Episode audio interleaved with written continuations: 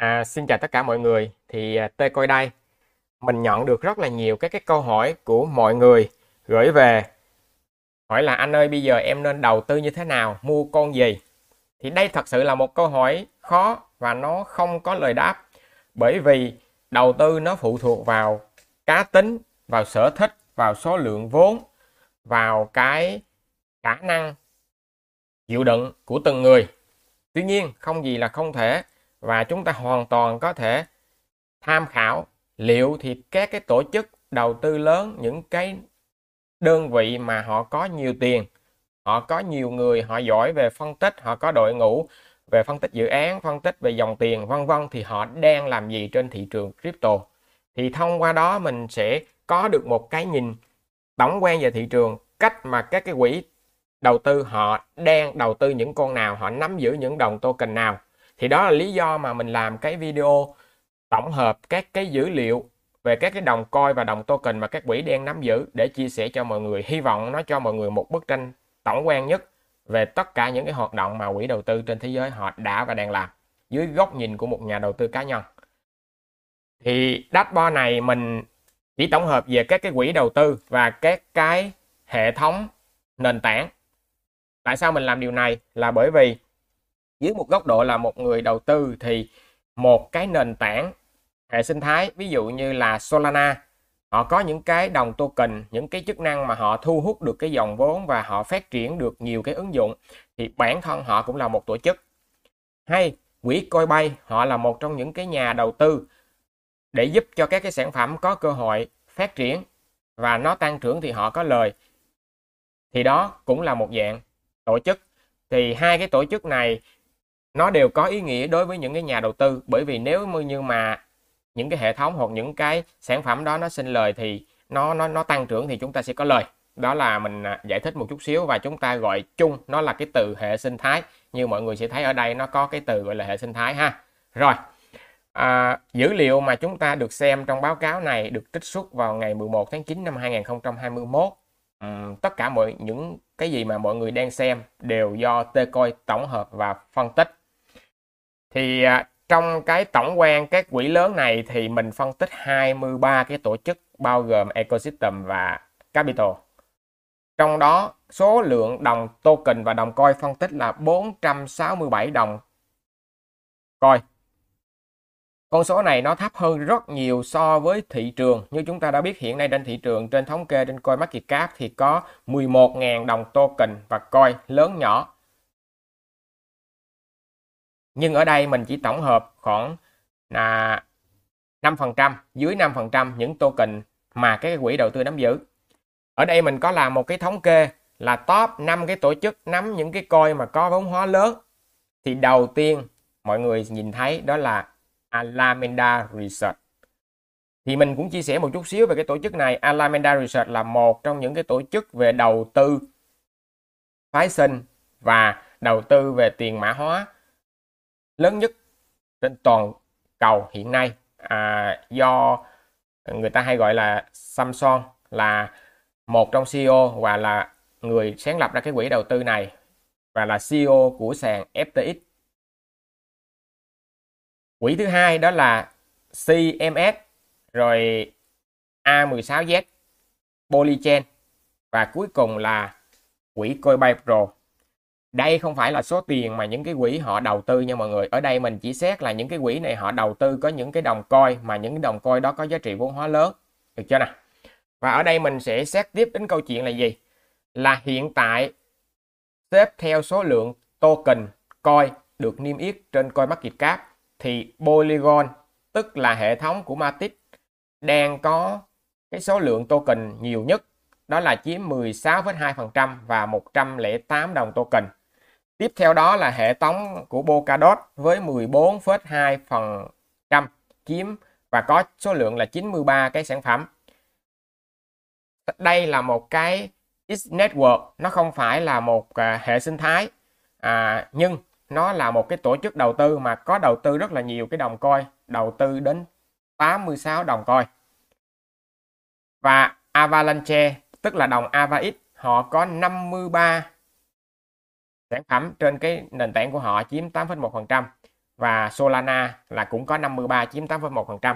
Như vậy chúng ta có thể thấy được rằng là những cái nền tảng năm sáu chục cái sản phẩm mà có cái giá trị vốn hóa và được các cái quỹ này đầu tư thì nó cũng rất là hạn chế. Chúng ta thấy không? Như một cái hệ thống của Solana như mọi người thấy là rất là mạnh hiện nay rồi đã từng đồng đồng token của Solana đạt cái ATH lên đến hơn 200 đô và trên hệ sinh thái thì những cái quỹ này người ta cũng chỉ quan tâm đến khoảng tầm 53 cái đồng token của họ thôi, đúng không? Thì đó là một cái sự chắc lọc mà các cái quỹ họ đã làm rồi. Bây giờ chúng ta sẽ follow.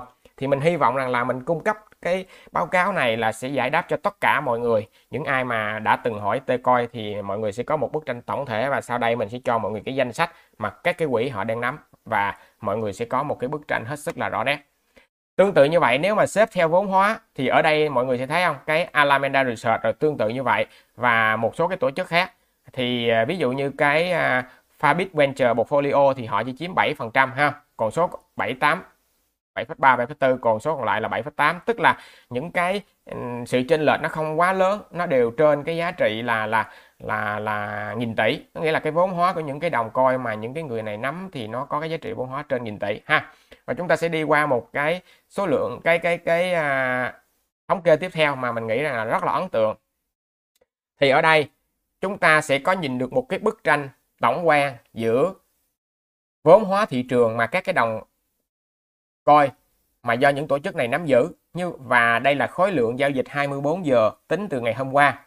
Như vậy thì chúng ta có thể thấy được rằng là nếu xét về khối lượng giao dịch thì hiện tại cho đến thời điểm hiện tại ở trong này sở dĩ mình không thống kê hai cái hệ thống là ETH và BSC là bởi vì hai hệ thống này nó quá lớn, nó tạo ra một cái sự chênh lệch rất là lớn so với những cái nền tảng này. Và bỏ vô mình so sánh thì nó sẽ rất là khập khiển.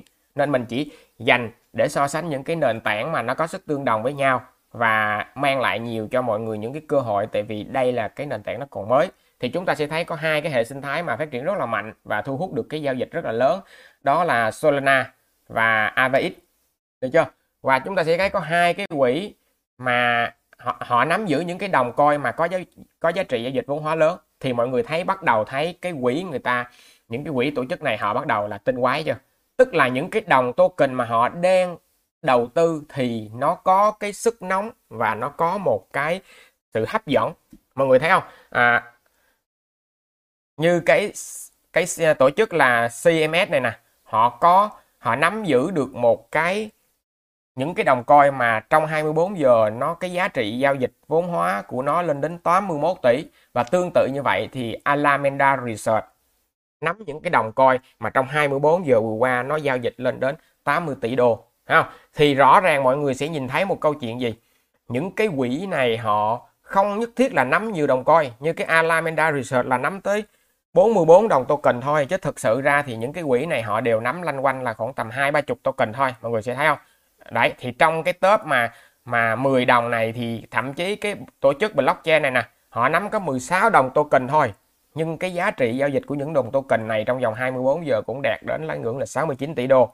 Đấy thì đây là một trong những cái cách mà bắt đầu chúng ta khai phát khai khai phá một cách nó mịn hơn và nó chi tiết hơn đi vào sâu trong thị trường được chưa? À, tương tự như vậy thì mọi người có thể là xem thêm ở những cái tổ chức về ecosystem ở đây. Ví dụ như những cái tổ chức mà đang còn rất là tiềm năng và vốn hóa đang rất là nhỏ nè. Mọi người thấy không?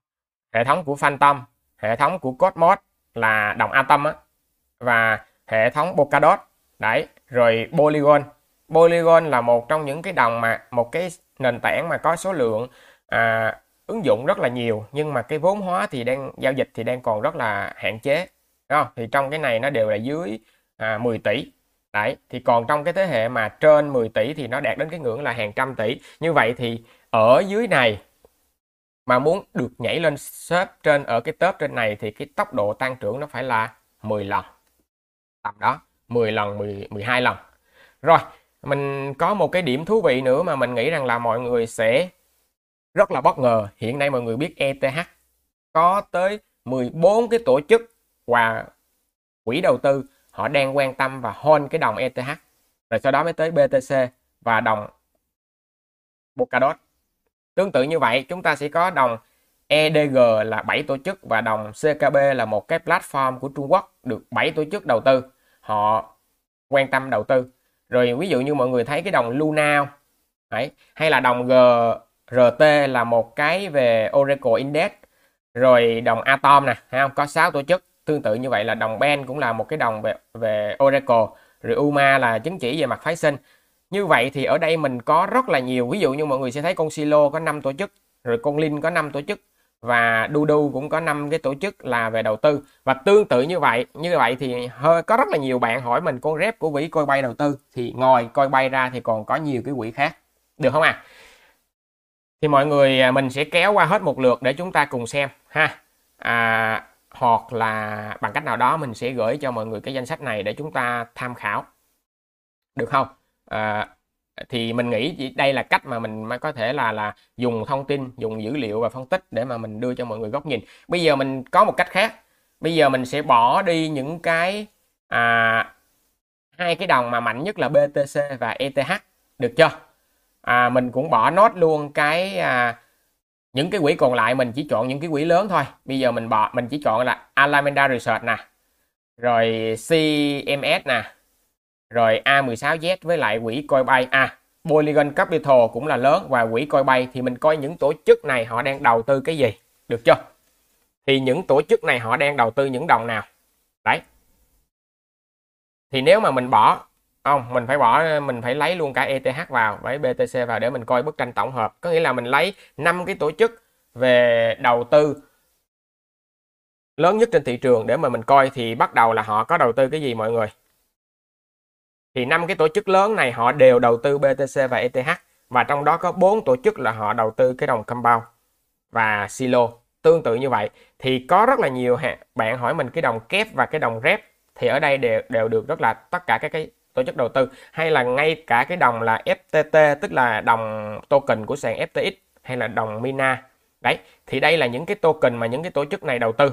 Thì nếu mà ai à, coi à, những cái tổ chức là một cái điều mà chúng ta có thể tham khảo thì đây là danh sách mà chúng ta có có thể. Hay ví dụ như bây giờ mình chỉ chọn duy nhất nè một cái tổ chức mà lớn nhất và đầu tư gọi là chuyên về đầu tư nhất đó là Alameda Research cũng là một cái tổ chức mà đầu tư nhiều lượng coi họ đầu tư với 44 đồng coi thì đây là những cái đồng coi mà do tổ chức Alameda Research họ đầu tư đúng không? Họ có đầu tư BNB nè họ có đầu tư đồng Uni nè rồi đó đồng à, AV là đồng về về cho vay nè. Đấy thì đây là những cái đồng mà họ à có một trong trên trên nhóm của mình cũng có một bạn à, nói là mình làm về phân tích cái đồng à, bơ này là một cái đồng về chứng chỉ phái sinh và giao dịch. Thì sắp tới mình có thể là mình cũng sẽ làm bởi vì cái đồng này nó hay. Tại vì cái trên cái sàn của mình mà à, trên cái kênh của mình thì mình có uh, review một cái con à, theo một cái hệ phái sinh. Đó là con uh, serum con SRM ok thì uh, nói tóm lại à, cái video này mình làm ra mình uh, phân tích toàn cảnh về cái à, thị trường cũng như rằng là cách mà các tổ chức họ đang đầu tư và nắm giữ, từ đó mình ra được một cái chuyện gì? Một cái list danh sách, những cái đồng token. Đây đây là list danh sách, những cái đồng token mà có nhiều tổ chức đầu tư nắm giữ nhất. Đấy, thì à, sau khi mà mình có cái danh sách này rồi, mình sẽ đi vào, mình phân tích lại một lần nữa, thì những cái đồng này nó có điểm mạnh gì, nó có cái hay gì và mình có thích hay không? Rồi câu chuyện là nó đã bay giá bao nhiêu, hay là nó đã, hiện tại nó còn tăng trưởng hay không? Everything, tất cả mọi thứ và khẩu vị của mọi người như thế nào thì chúng ta từ đó có một cái hình dung. Và cái video này nhằm mục đích cung cấp cho mọi người thông tin và góc nhìn của những tổ chức đầu tư về cryptocurrency lớn nhất trên thị trường hiện nay. Và hy vọng nó mang lại đến cho mọi người à, thông tin à, nếu mọi người thấy video này thật sự hay hữu ích và có nhiều cái thông tin thì à, hãy nhấn à, chia sẻ cái kênh để cho mọi người nhiều được biết đến cái kênh của Tcoin rồi thì à, mình à, xin à, dừng cái video tại đây. Cảm ơn mọi người đã xem video ha. À, xin chào tất cả mọi người. Thì à, Tê đây. À, hôm nay mình sẽ hướng dẫn mọi người một cái cách để mà chúng ta có thể à, xoay được khoảng tầm 60% cái vốn trong tổng cái giá trị mà mọi người đang hold. Ở đây là một trong những tính năng mà mình nghĩ giúp mọi người thay vốn trong cái khoảng thời gian ngắn rất là tốt. À, đầu tiên sau mọi người truy cập vào trên cái trang à, Binance và sau đó mọi người vào phần tài chính và mọi người click vào cái cho vay tiền mã hóa thì nó sẽ ra cái giao diện như thế này.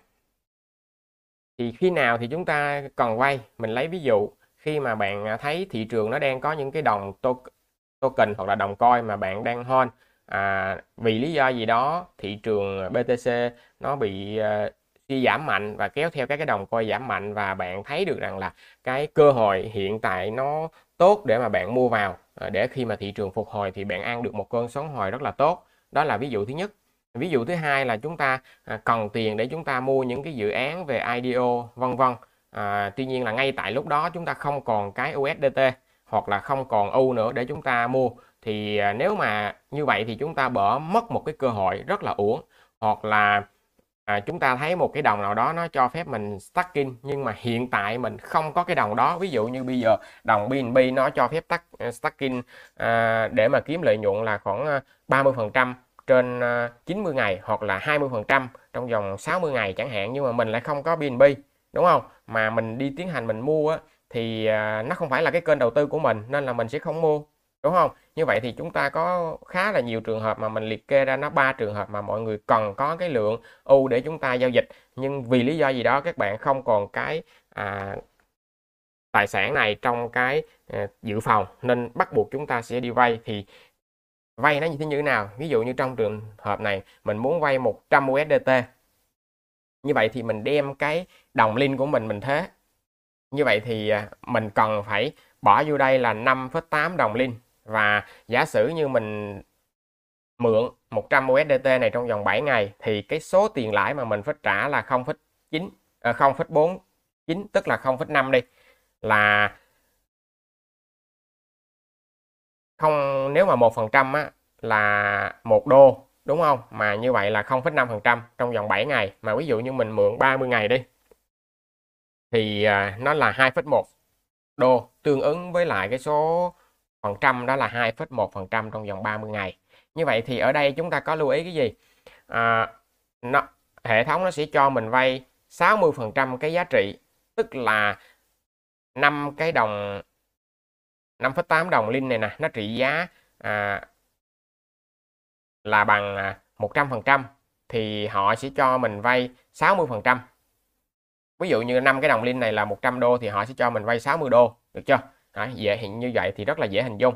Và khi cái đồng linh này nó giảm về còn cái giá là 20 đô hiện tại linh đâu đó khoảng tầm gần 30 đô và nó giảm về 20 đô tức là nó giảm à, 83% cái giá trị mà tài sản thế chấp thì nó sẽ tiến hành thanh lý. Ví dụ như à, hiện tại á, là mình à, đồng linh á, là mình à, bỏ vào trị giá là 100 đô đúng không? Và họ cho mình vay là 60 đô. Nhưng mà khi mà cái giá trị đồng linh mà nó giảm à, xuống sâu à, chỉ còn có à, 83 đô thôi thì họ sẽ tiến hành họ thanh lý cái cái giá trị à, tiền của mình. Và khi mà nó đạt đến cái ngưỡng là 75% á thì họ sẽ cảnh báo là mình phải bỏ thêm cái à, đồng đồng thế chấp này vào để mà mình giữ lại cái khỏi bị thanh lý rồi, mọi người hình dung không? Như vậy thì giả sử như bây giờ mình muốn mượn 100 đô từ à, sàn à, Binance để mà mình à, mua cái đồng nào đó mà mình thấy nó đang giảm giá mạnh và mình muốn mua thì à, sau 30 ngày thì mình trả lại cho Binance là 102,1 đô. Được chưa? Mình làm ví dụ như vậy ha. Ví dụ như bây giờ ở đây mình làm thử cho mọi người coi luôn. Mình muốn vay 100 đô từ ở đây thì nó có rất là nhiều đồng cho mọi người chọn thì ở đây mình đếm nó khoảng tầm hai mươi mấy đồng á. Nó sẽ có ADA, ADX BTC rồi ETH đó nó chỉ có bao nhiêu đây thôi. Như vậy là khi mà mọi người mua những cái đồng này thì chúng ta mới có thể thế chấp được. Đồng ý không? Nghĩa là nó chỉ có một ừ, khoảng tầm 20 đồng à, như trên màn hình hình để mà mọi người thế chấp. À, thì trong trường hợp này mình thế chấp cái đồng lên được chưa? Thì bây giờ mình sẽ bắt đầu mình à, vay luôn. Vay thử cho mọi người luôn ha. Tôi đã đọc nè. Rồi đấy như vậy thì mình à, xác nhận là xong mình vay thành công thì ở đây nó đang à, có một cái lệnh nè. Đâu ở đây nó nó để là cái gì? Là mình đang à, vay 100 đô à, mình thuế là 5,8 cái đồng linh đấy 7 ngày và tất tần tật các cái hồ sơ vay của các bạn hãy nằm đây. Ví dụ như mình vay như vậy thì mình ứng dụng như thế nào? Ví dụ như hiện tại mình qua trên thị trường spot mình thấy được rằng là cái đồng gala này nè nó đang giảm 21% thì mình vô mình coi thử rằng là hiện tại nó đã giảm sâu xuống cái mức điều chỉnh chưa? Mình coi chẹt một xíu. Rồi à, mình mua cái đồng này để mà mình target sau đó mình đem cái tiền lời mình à, lấy và mình trả lại cái phần vốn đúng không? À, cho cái tiền mà mình vay từ phía Binance. Thì ví dụ như bây giờ mình va mình coi cái chẹt thử ha. À, hiện tại á, thì cái đồng này nó mới niêm yết và sau khi mà nó tăng ở đây mình coi chẹt 15 phút chẹt ừ, ngắn thì sau khi mà nó giảm rồi thì nó tăng một cái đợt rất là mạnh với cái lực mua rất là lớn. Thì sau khi mà nó tăng đến một cái ngưỡng trong vòng à, một, hai ngày thì nó tăng lên đến tận 200% sau đó thì nó điều chỉnh. Như vậy thì đây vẫn là một con sóng tăng. Không? nếu mà chúng ta vẽ thì chúng ta sẽ thấy đây là một con sóng tăng và nó đang điều chỉnh để nó đi lên. Như vậy thì à, mình à, dựa trên phân tích kỹ thuật thì mình thấy được rằng là gì? Ở đây là cái vùng giao 65 với lại giao 234 được chưa? Thì khả năng nó sẽ quay về nó test lại đây để nó đi lên đúng không? Thì ở đây mình à, canh mua. Canh mua. Đấy mình canh mua ở cái vùng này. Tức là ở đây mình dùng volume profile mình thấy rằng là cái vùng giá này là vùng giá người ta à, giao dịch rất là nhiều. Và bây giờ nó quay về nó test lại cái đường chi câu trong quá khứ. Và mình thấy ở đây nó có là một cái dao à, 129 với lại 234 và cái đây cũng là một cái điểm đường chia câu trong quá khứ. Còn cái việc mà nó về nó test lại cái chân này thì à, hiếm khó. Tại vì cái chân này thì nó qua lũng luôn cả cái đỉnh ở đây. Nên là cái điểm này sẽ là cái điểm mà à, mình canh ví dụ như mình phân tích kỹ thuật thì mình thấy như vậy đúng không? À, thì khi mà mình canh lên rồi thì mình sẽ chốt lời ở đâu? Thì sau khi mà bây giờ nó điều chỉnh về đây thì có dấu hiệu nó sẽ tăng về nó test lại cái may EG sau đó nó rớt về nó test đây một lần nữa đúng không? Chúng ta đó là cái kịch bản giao dịch của mình. Thì à, khi mà nó về đây thì nó sẽ tăng lên để nó test lại cái đường à, giao 65 này và nó vượt qua khỏi cái may. À, thì mình ăn cái con sóng này là 30% tức là giả sử cái 100 đô mà mình vay từ ở bên Binance thì à, mình bán à, đi là mình được 130 đô, sau đó mình trả đi một đô tiền à, phí, là mình còn 29 đô. Thì giả sử như vậy, có nghĩa là giả sử bây giờ không còn tài sản gì cả nhưng vẫn muốn trade cái con này, thì làm cách đó. Mình lấy cái ví dụ cho mọi người dễ hình dung như vậy ha. Rồi, bây giờ giả sử tình huống xấu nhất là gì? Nó về đây, mà nó không, có nghĩa là bây giờ nó đi luôn, thì coi như là chúng ta không bắt được con sóng này và chúng ta mất đi nửa đô cái tiền mà chúng ta vay để chúng ta mua như là mình làm là không có trót lọt cái phi vụ này.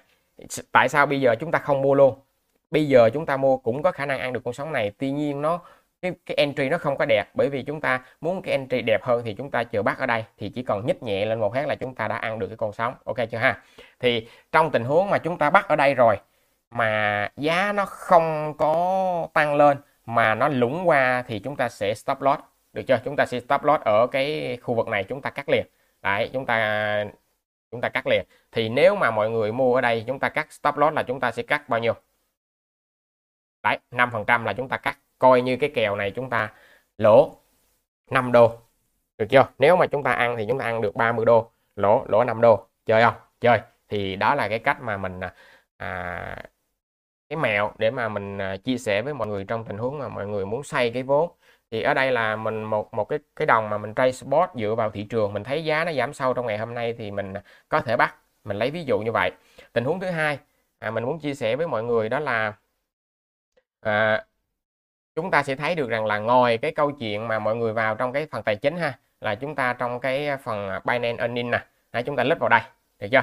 Thì chúng ta sẽ thấy được rằng là à, hiện tại Binance họ có rất là nhiều sân chơi. Ví dụ như bây giờ các bạn có thể stacking một cái đồng nào đó để các bạn hưởng được cái lãi suất trong vòng 30 ngày nè thấy không? Nó cũng được vài phần trăm.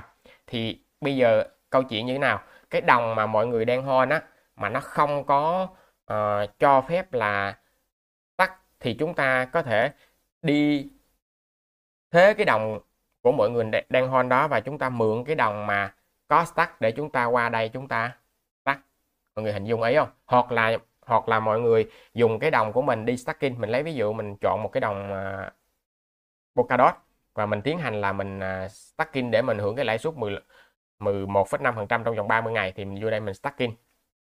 Được chưa? Ở đây ví dụ như mình chọn là 30 ngày và mình tiến hành mình uh, stacking ba uh, cái đồng dot được chưa? À, và mình đồng ý. Sau đó mình xác nhận luôn mình sẽ tiến hành mình stacking ba cái đồng đót này. Được chưa ha? Thì cái à, lịch sử mà mình stacking nó sẽ nằm ở đây. Đấy. thì đây là những cái cách à, mà để giúp cho mọi người kiếm thêm cái ừ, thu nhập khi mà chúng ta lưu trữ những cái đồng coi dài hạn. Như vậy thì cái phần mà đi vay này nè à, nó sẽ giúp cho mọi người à, khá là nhiều cái tiện ích. À, đó là nào là chúng ta sẽ um, mượn được u để chúng ta sử dụng cho các cái mục đích về đầu tư sử dụng cho các cái độc mục đích về à, mua coi hoặc là chúng ta à, bắt đáy để chúng ta ăn cái nhịp điều chỉnh. Đấy ví dụ như à, trong tình huống này mình mượn 100 đô thì mọi người có thể ứng dụng vào trong cái việc này. Rồi thì à, cái video này mình chia sẻ một số cái mẹo à, nho nhỏ để giúp mọi người có thể huy động được một cái à, số lượng vốn lên đến là 60% tổng giá trị tài sản. Ví dụ như mọi người à, có có cái lượng à, coi là 10.000 đô thì mọi người hoàn toàn có thể mượn được 6.000 đô. Trong cái tình huống là cái đồng token của mọi người nó à, được Binance hỗ trợ cho phép là làm tài sản thế chấp. Đấy thì thường những cái này á à, ở thị trường châu Á mình thấy rất là ít xài. Nhưng mà mọi người biết à, cái hệ thống landing ví dụ như là Venus hay là à, Ava đấy thì à, cái ờ, thanh khoản của họ rất là lớn và thị trường Mỹ á, tức là đặc đặc biệt là người Mỹ họ rất là thích xài dịch vụ này. Ở Việt Nam và những nước châu Á thì thích thích xài cái dịch vụ là farming DeFi tức là chúng ta gửi cái đồng vô để chúng ta farm một cái đồng token khác hay là chúng ta hưởng lãi. Nhưng người Mỹ thì lại thích đi vay cái cái cái họ lấy cái tài sản của họ họ thế chấp rồi họ đi vay để mà họ làm cái hoạt động kinh doanh cũng giống như mọi người à, cái này nó y chang như câu chuyện là chúng ta à, đem à, đem đem à, giấy tờ nhà hoặc là đem à, tài sản đất đai chúng ta đi cầm để chúng ta vay tiền chúng ta làm ăn gì đấy. Thì trong cái thị trường tài chính nó y chang. Thì thường thì mình thấy rằng là à, mình cũng có một số anh em nhưng mà mình thấy ít mọi người dùng. Thì cái chỗ này nó cũng sẽ à, giúp cho chúng ta xử lý và xoay sở được rất là tốt trong những cái tình huống mà còn ưu mà khi mà tài sản ở trong à, tài khoản không còn ưu rồi ok thì một vài cái chia sẻ như vậy thì uh, hy vọng rằng là nó ờ, giúp được cho mọi người trong cái chuyện là một số tình huống nào đó mà chúng ta cần phải sợ. rồi à, mọi à, cũng giống như là mọi khi mọi cái sự chia sẻ nó mang tính chất là kiến thức. Còn liên quan đến lĩnh vực đầu tư thì mọi người sẽ phải lưu ý 3 điểm. Entry điểm vào điểm chốt lời và điểm cắt lỗ để quản trị tài sản ha. Rồi mình xin dừng cái video tại đây. Cảm ơn mọi người đã xem video à, xin chào tất cả mọi người. Thì à, tôi coi đây. À, trở lại với cái story về hệ sinh thái của Ni phần 3 thì hôm nay tôi coi sẽ review cho mọi người một cái nền tảng rất là quan trọng trong cái hệ sinh thái đó là cái October Network. Thì à, định nghĩa October là gì? Thì chúng ta sẽ à, đi tìm hiểu thông qua cái nội dung của họ ha.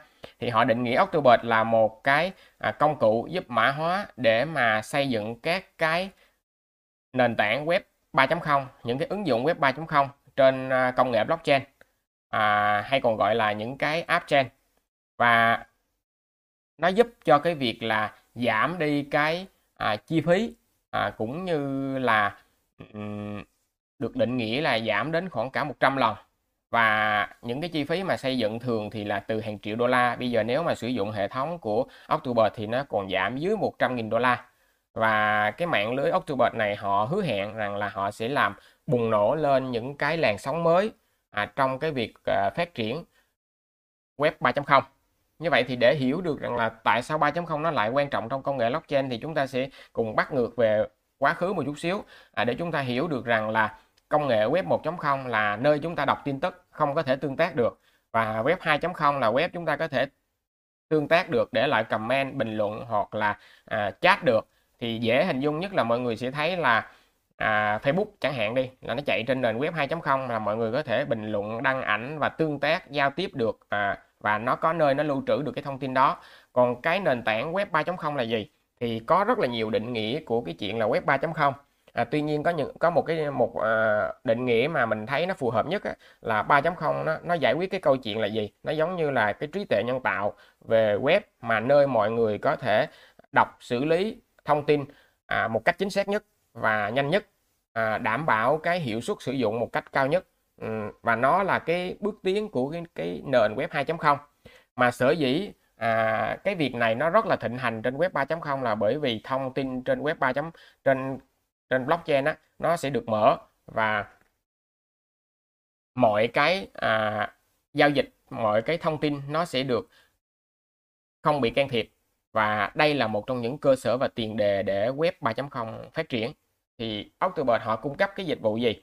Là họ cung cấp cái bảo mật tức là họ à, cung cấp những cái sự linh động trong vấn đề về bảo mật tương ứng với lại cái chi phí mà người ta muốn bỏ ra để có thể chi trả cho cái hoạt động này. Họ chia sẻ cái cơ chế bảo mật để giảm chi phí. Và câu chuyện thứ hai là gì? Họ linh động trong cái việc là kết nối tức là out of box tức là à, ngồi cái chain à, để mà có thể xử lý ví dụ như là có thể tích hợp với lại hệ thống của NI hay là những cái app chain có thể là tích hợp với lại Ethereum à, hay là những cái blockchain khác mà nó có xài cái chuẩn là IBC IBC nó gọi là inter blockchain. Nó là một cái khái niệm một cái thuật ngữ để mà các cái blockchain có thể giao tiếp được với nhau nó gọi là cross chain được không? Thì cái hạ tầng này nó linh động để có thể dễ kết nối. Ngoài ra thì nó à, có được à, sẵn cái cơ sở về nền tảng à, về ví về cổng giao tiếp về à, explorer về các cái dịch vụ à, vân vân. À, cũng như rằng là October cũng như là một cái tổ chức mà mọi người có thể là um, bầu chọn à, biểu quyết để mà từ đó xây dựng cái hệ thống ngày càng phát triển hơn thì à, ở đây tại sao nó lại công nghệ này nó là công nghệ gì? Thì ở đây chúng ta thấy nó có cái phần là october Relay. À, đây là một cái công nghệ mà giống như là cái parachain của à, Polkadot. Tuy nhiên là cái à, điều mà nó giúp cho cái chi phí nó giảm khi mà các cái app chain ứng dụng kết nối với các cái mạng lưới từ Bitcoin, Ethereum cho tới là à, Ni, Cosmos rồi à, Polkadot. Đó là, là cái cách mà nó xử lý cái à, kết nối tối ưu hơn và không có phải à, giống như à, các cái parachain trên Polkadot là phải đủ số lượng và cái chi phí hàng năm nó lên đến hàng, hàng chục triệu đô la nó rất là cao. Thì ở đây cái dịch vụ của october á, nó chia sẻ cái um, cơ chế bảo mật à, trên trên hàng ngàn cái ứng dụng để mà à, cùng thực hiện và giảm cái chi phí đúng không? Thì à, có một cái à, dịch vụ à, đã giúp cho cái um, ứng dụng của cái Octobot này đó là cái à, Rainbow cái gọi là cái bridge rainbow. À, mình sẽ cho mọi người coi cái này ha. Cái này nó gọi là cái rainbow bridge tức là cái cầu chuyển để mà chuyển đổi giữa um, Ethereum và NI để giúp các cái tài sản giao dịch được với nhau. À, khi mà thực hiện cái DeFi thì mọi người sẽ hình dung ở đây là một cái cách mà trên trang chủ của NI họ à, rất là đặt nặng cái giải pháp về cầu cầu nói này cầu chuyển này. Thì à, để mà các cái à, nền kinh tế nó giao thương được với nhau á thì ở đây nó nó nó là cái hình rất là mô phỏng. Dụ như trong thực tế chúng ta muốn di chuyển giữa tỉnh này với tỉnh khác thì chúng ta cần phải có đường. Còn để di chuyển tài sản thì chúng ta cần phải có cầu nói và cái cầu nối này nó sử dụng một cái giải pháp um, thông qua cái à, thuật toán và xử lý của Octobert để cho phép kết nối thì cái à, hình này sẽ cho mọi người thấy cái vai trò của Octobert ở trong này ha nghĩa là từ Ethereum muốn à, đẩy đến cho người dùng của hệ sinh thái Ni thì nó sẽ thông qua cái cầu nối là Rainbow Bridge và thông qua các cái hệ thống về DeFi, stablecoin và cái Octobert Relay Chain. Ở đây nó sẽ xử lý tất cả những cái à, token các cái hệ thống Octobot DAO và cuối cùng nó bỏ qua cái Octobot Bridge à, để chạy các cái um, ở đây cái chữ V nó là ký hiệu của các cái validator đúng không? Thông qua các cái node à, để cuối cùng là thông qua các cái API nó trả lại cho các cái off-chain ở về front-end à, để đẩy cho đến người dùng à, chain thì nói một cách tóm lại tóm gọn lại là để các cái thông tin à, được chuyển đổi với nhau mà một cách bảo mật thì à, thông qua cái sở, hệ thống xử lý về October Replay nó giống như là à, cơ chế parachain của Polkadot à, xử lý cái à, vấn đề về về à, tăng tốc giao dịch bảo mật cũng như rằng là à, kết nối được với các cái nền tảng lại với nhau. Đấy thì à, trong này mà những cái ứng dụng mà đầu tiên để giúp cho lưu thông tiền từ các cái hệ sinh thái của ETH sang thì Rainbow Bridge là một cái ứng dụng đầu tiên. Trên cái hệ sinh thái thì ở đây chúng ta sẽ thấy có cái gì nè? Có cái rep finance là cái hôm qua mà chúng ta đã uh, review ờ, về cái hệ thống DeFi và cái Octobot là một trong những giải pháp mà cung cấp cái upchain cho ứng dụng web 3.0 và à, nếu mà chúng ta sâu chuỗi lại các vấn đề là gì? NIA xây dựng hệ sinh thái và thu hút bắt đầu là thu hút dòng tiền thông qua cái chuyện là DeFi và thông qua cái Rainbow Bridge để mà chuyển đổi tài sản giữa các cái mạng lưới với nhau và thông qua một cái giải pháp để xử lý à, nền tảng web 3.0 đó là Octobot như vậy thì các cái ứng dụng sau này sẽ à, bắt đầu sử dụng cái giải pháp về web 3.0 để à, tăng cái hiệu suất sử dụng lên. Và nền tảng ni nếu như mà Octobot làm tròn cái vai trò của mình thì sẽ phát triển các cái à, ứng dụng ngày càng hoàn thiện hơn dựa trên công nghệ blockchain thì đâu đó nó sẽ gần hơn với cái à, đời sống thực và áp dụng được những cái à, cái xử lý những cái công nghệ từ à, thực tế lên trên công nghệ blockchain. Thì đấy là toàn cảnh cái um, hệ sinh thái của ni và họ dần dần đang hoàn thiện các cái mảnh ghép này. Được không à, à và trước khi mà à, chúng ta đi phân tích giá thì chúng ta sẽ à, sử dụng biểu đồ trên coi market cap để chúng ta coi một chút xíu về thông tin ha. Thì hiện tại nó có 100 triệu tổng cung là 100 triệu và đang lưu thông là 31 triệu.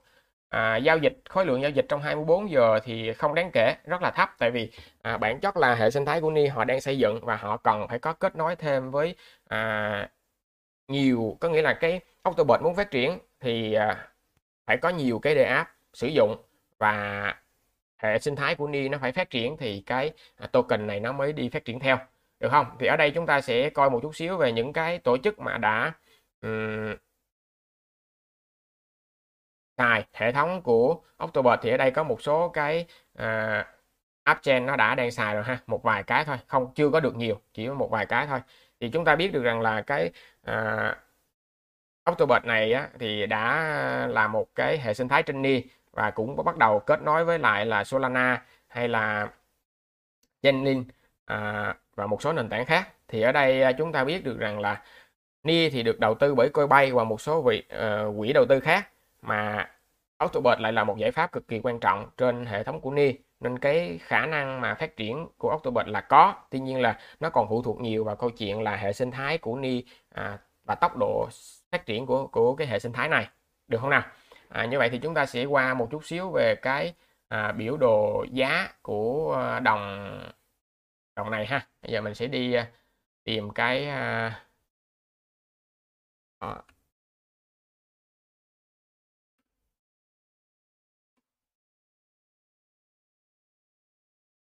ờ, không thấy giá ta.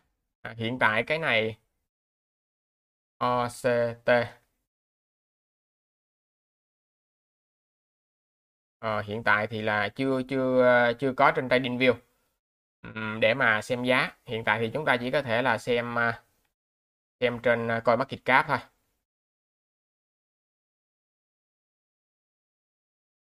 Như vậy thì chẹt à, à chưa có như vậy nhưng mà chúng ta cũng có thể dùng à, tạm cái biểu đồ này để chúng ta thấy rằng là cái à, ATH à, của đồng này nó vào khoảng 3,9 đô và hiện tại thì nó đang à, giao dịch ở cái mức độ là 3,2 đô.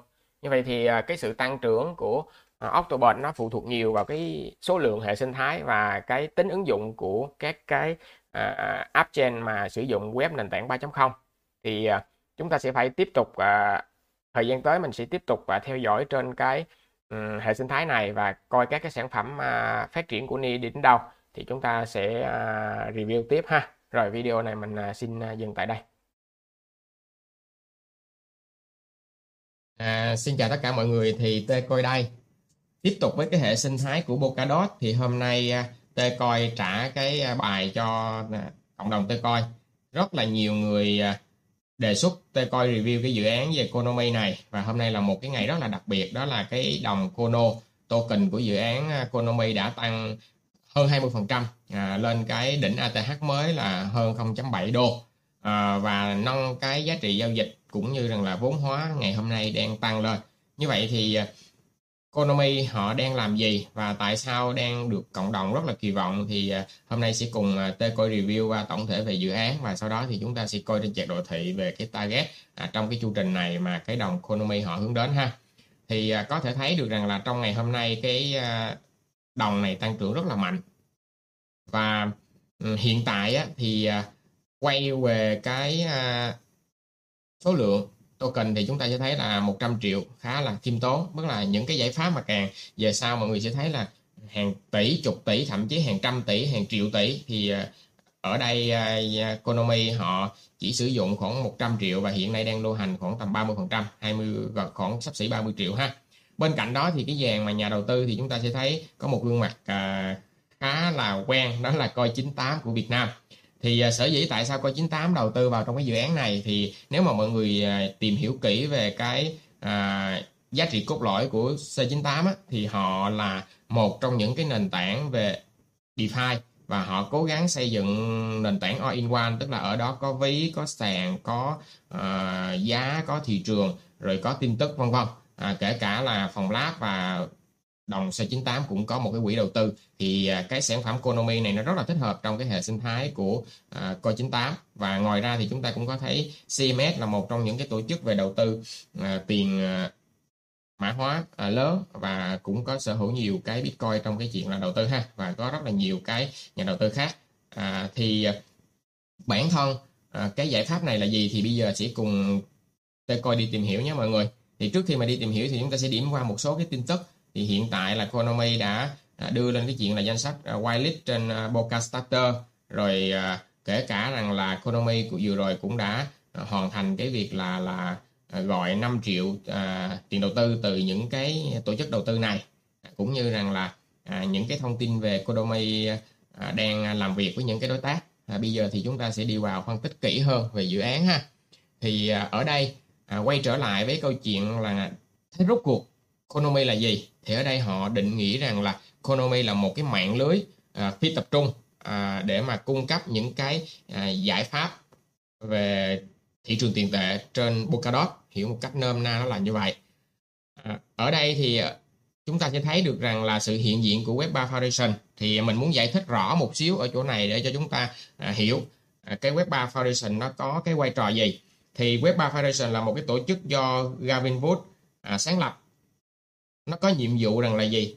Hỗ trợ vốn cho những cái dự án phát triển trên hệ sinh thái của Polkadot cũng như rằng là những dự án thiên hướng về công nghệ blockchain và web 3.0 ngoài cái chuyện hỗ trợ vốn thì à, cái tổ chức này nó cũng tư vấn về mặt giải pháp và cố vấn. Sau khi mà đạt qua được thì dự án sẽ được hỗ trợ một phần về vốn à, và có gắn cái biểu tượng của Web3 Foundation vào đây thì khi mà những dự án vào như thế này thì chúng ta khá là an tâm về câu chuyện là về giải pháp đã được cái tổ chức này nó kiểm nghiệm. Tại vì đằng sau cái tổ chức về Web3 Foundation thì chúng ta sẽ biết được rằng là Gavin Wood còn một cái à, tổ chức đó nữa đó là Parity là một trong những cái giải pháp à, về cơ sở hạ tầng cho công nghệ blockchain. À, và cái tổ chức này thì về mức độ uy tín thì là có à, mọi người sẽ sẽ phải à, xác nhận câu chuyện uy tín là khi à, Google nè, Microsoft nè, thậm chí là Kaspersky à, và kể cả là quỹ Coinbase cũng sử dụng cái à, giải pháp do cái tổ chức Parity họ thẩm định và họ đưa ra họ tư vấn. Tức là bản thân nó là một cái hội đồng về mặt công nghệ nó cung cấp về mặt giải pháp ha. Thì à, để thấy được cái mức độ uy tín của cái nền tảng này à, quay trở lại với dự án của Konami thì chúng ta sẽ thấy được rằng là ở đây họ đề cập như thế nào? À, họ có ba cái highlight rất là mạnh đó là à, cung cấp một cái thị trường về tiền tệ nó đa chuỗi à, nó liên thông được các cái chuỗi lại với nhau. À, thì ở đây chúng ta sẽ thấy được rằng là à, họ định nghĩa rằng là gì? À, bản thân cái việc này nó sẽ giúp cho cái việc là cung cấp cái thanh khoản nè nó giúp cho cái việc là chúng ta vay nè chúng ta đi vay hoặc là cho vay rồi chúng ta có thể là mở rộng cái cái việc là trading trên cái à, hệ sinh thái về tài chính phi tập trung. À, ngoài ra thì à, nó cũng cho phép mọi người sử dụng cái tài sản và khai thác được cái tài sản dựa trên những cái parachain khác nhau à, để mà từ đó chúng ta à, phát huy được cái cái cái cái, cái tài sản của người dùng.